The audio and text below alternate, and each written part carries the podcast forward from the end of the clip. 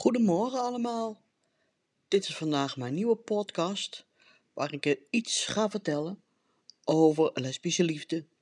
Niet in detail. Allereerst een beetje over mijzelf.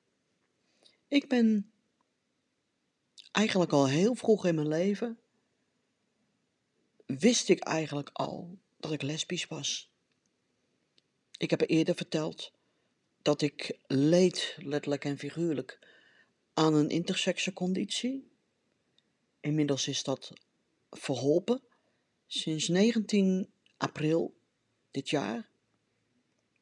Daarna kwam een heel genezingsproces, wat ongeveer 140 dagen in beslag heeft genomen. Ja, ik heb het zeker, zeker, zeker, heb ik het, uh, heb ik het geteld, want dat vond ik belangrijk. En sinds die tijd voel ik mij ongelooflijk gelukkig. Ik heb eigenlijk gedurende mijn jeugd en gedurende de rest van mijn leven nooit zoveel behoefte gehad aan intimiteit. Ik was er bang voor. Vooral omdat het bij mij aan de onderkant niet functioneerde. Daar kwam een heel stuk depressie vandaan waar ik eigenlijk mijn hele leven aan geleden heb.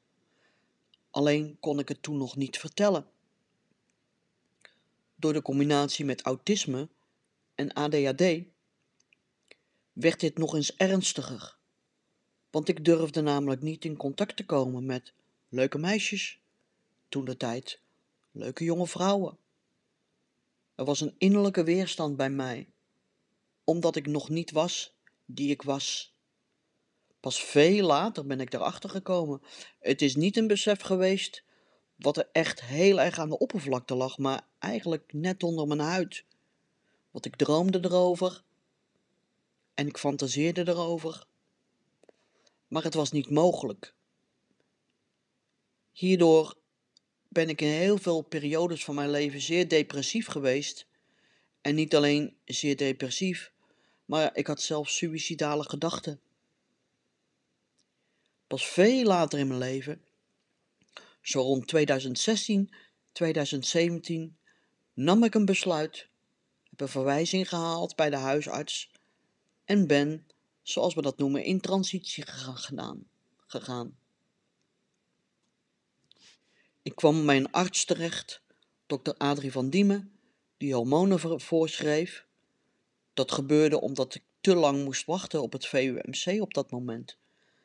En zij sprak er met mij over en vroeg mij allerlei zaken en gaf de suggestie: Ik denk dat jij een intersexe conditie hebt. Misschien kan je het laten onderzoeken.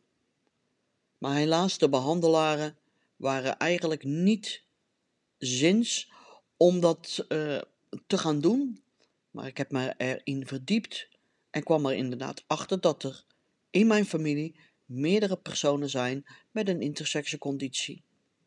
Dus was het ook niet vreemd dat het bij mij ook plaats had gevonden. Het kan ook een combinatie zijn geweest met uh, de ziekte die mijn moeder onder de leden had. Een ziekte die de ziekte van bang wordt genoemd, oftewel bang abortus, wat kan leiden tot een ontwikkelingsstoornis in de baarmoeder. Afijn, ik ben op weg gegaan en ik ben volledig vrouw geworden en dat is geweldig. Ik voel me nu zo gelukkig. Met mijn hele genezingsproces en het herstel daarna kwam mijn seksualiteit naar boven. Iets wat ik nooit in mijn leven echt zo heb ervaren. Ik had er meer weerstand tegen. Maar ik voelde me zeer ongelukkig. Ik ben ook boeddhist. En ik ben bezig gegaan met chanten. Of dat nu psychologisch is of wat anders, dat maakt mij verder niet uit. Maar het heeft mij geholpen om mijzelf te worden. En mijn gevoel kwam voor het eerst in mijn leven en ik voel me daarmee zeer gelukkig. Omdat ik deze toestand had, was voor mij zelfs het denken aan seksualiteit iets verschrikkelijks. Maar na mijn genezing is dit helemaal goed gekomen. Zoals ik eerder vertelde, heb ik 30 jaar lang in een Pinkstergemeente gezeten waar LHBT en transgenderidentiteiten, genderidentiteiten, onbespreekbaar was. Het heeft mij heel veel jaren gekost, vier jaar lang, om daar doorheen te worstelen. Zonder hulp van psychologen, overigens. Want de wachttijden in de zorg zijn zo dramatisch dat ik het zelf heb moeten uitzoeken. Dat is nogal sterk van mezelf. En veel van mijn vriendinnen, die roemen mij daarom. Omdat ja, dit eigenlijk best bijzonder is dat ik het allemaal heb overleefd. Een scheiding, financiële problemen, verlies van werk, eh, de diagnose autisme en ADHD. Ehm, heel veel dingen zijn er gebeurd. Het was, ik werd door overrompeld, maar naarmate dit allemaal in orde is gekomen, en daar heb ik zelf heel veel in gedaan, um, is dit allemaal in orde gekomen en ben ik eigenlijk een zeer gelukkig persoon geworden. Ik vind het hartstikke fijn dat het nu zo is. En ik kan nu verliefd worden zonder dat ik daarbij in de problemen kom. Voor die tijd was dat eigenlijk niet mogelijk, want op het moment dat ik verliefd werd, dan raakte ik helemaal van de kaart.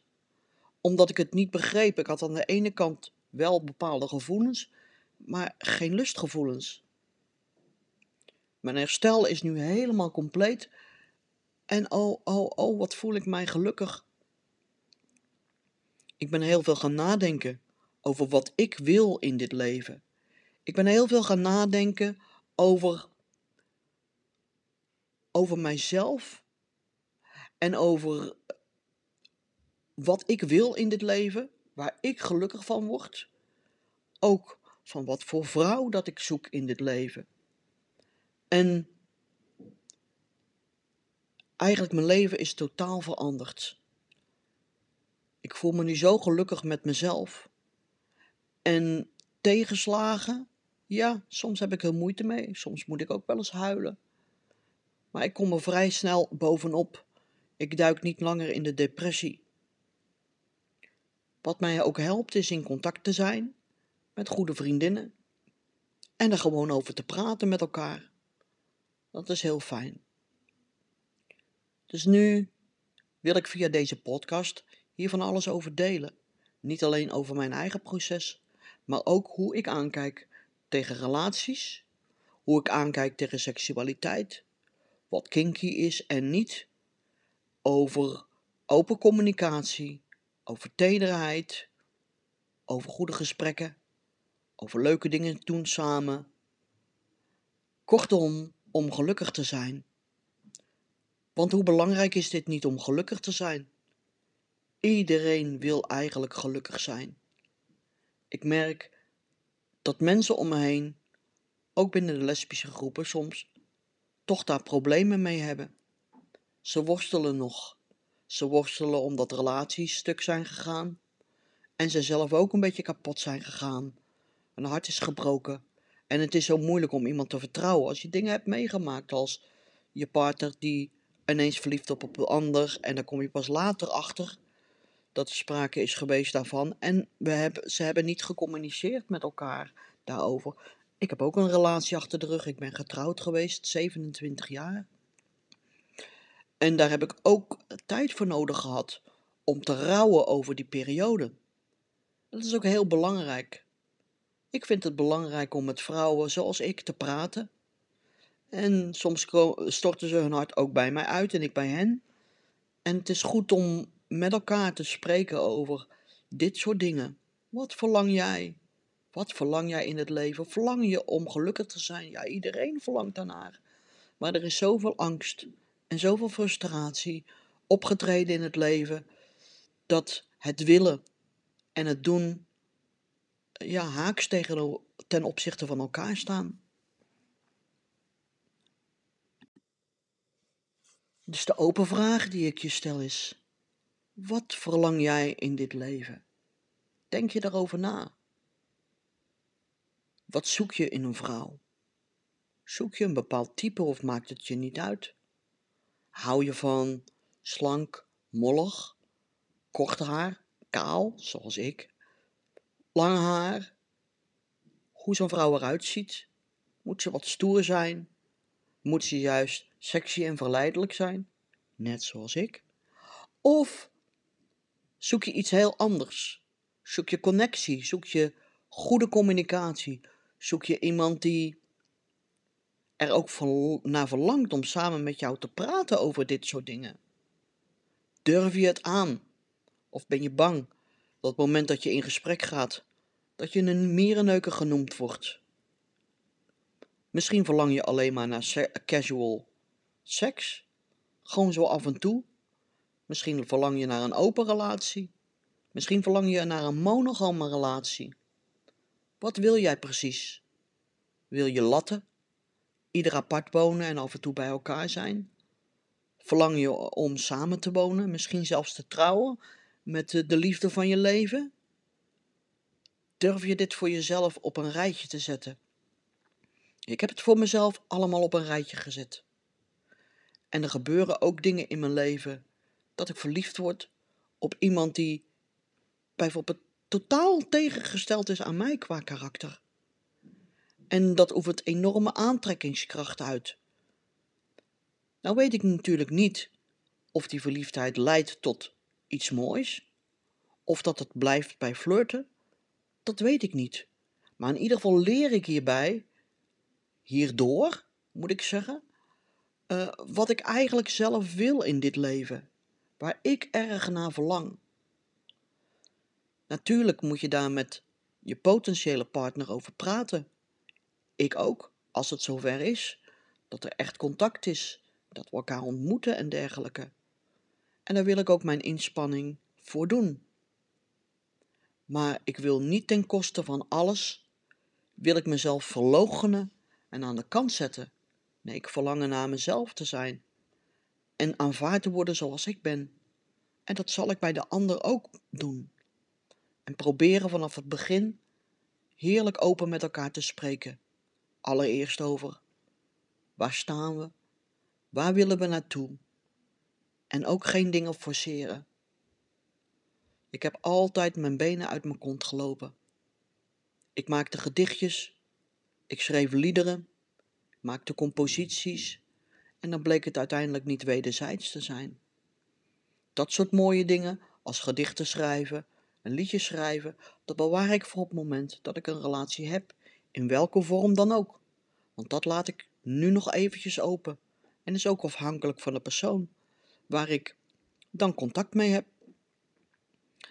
Hartelijk dank voor het beluisteren van deze podcast. Ik zal er veel meer over vertellen. Mocht je nog vragen hebben, dan kan je altijd daar een vraag over stellen. En uh, ik ben heel erg benieuwd naar wat jij vindt, wat jij denkt, naar aanleiding van wat ik vandaag heb verteld. Niet zozeer over mezelf, maar wel over relaties en wat jij ervan verlangt en hoe jij daar tegenover staat. Wederom hartelijk bedankt voor het beluisteren van deze podcast. En tot een volgende keer.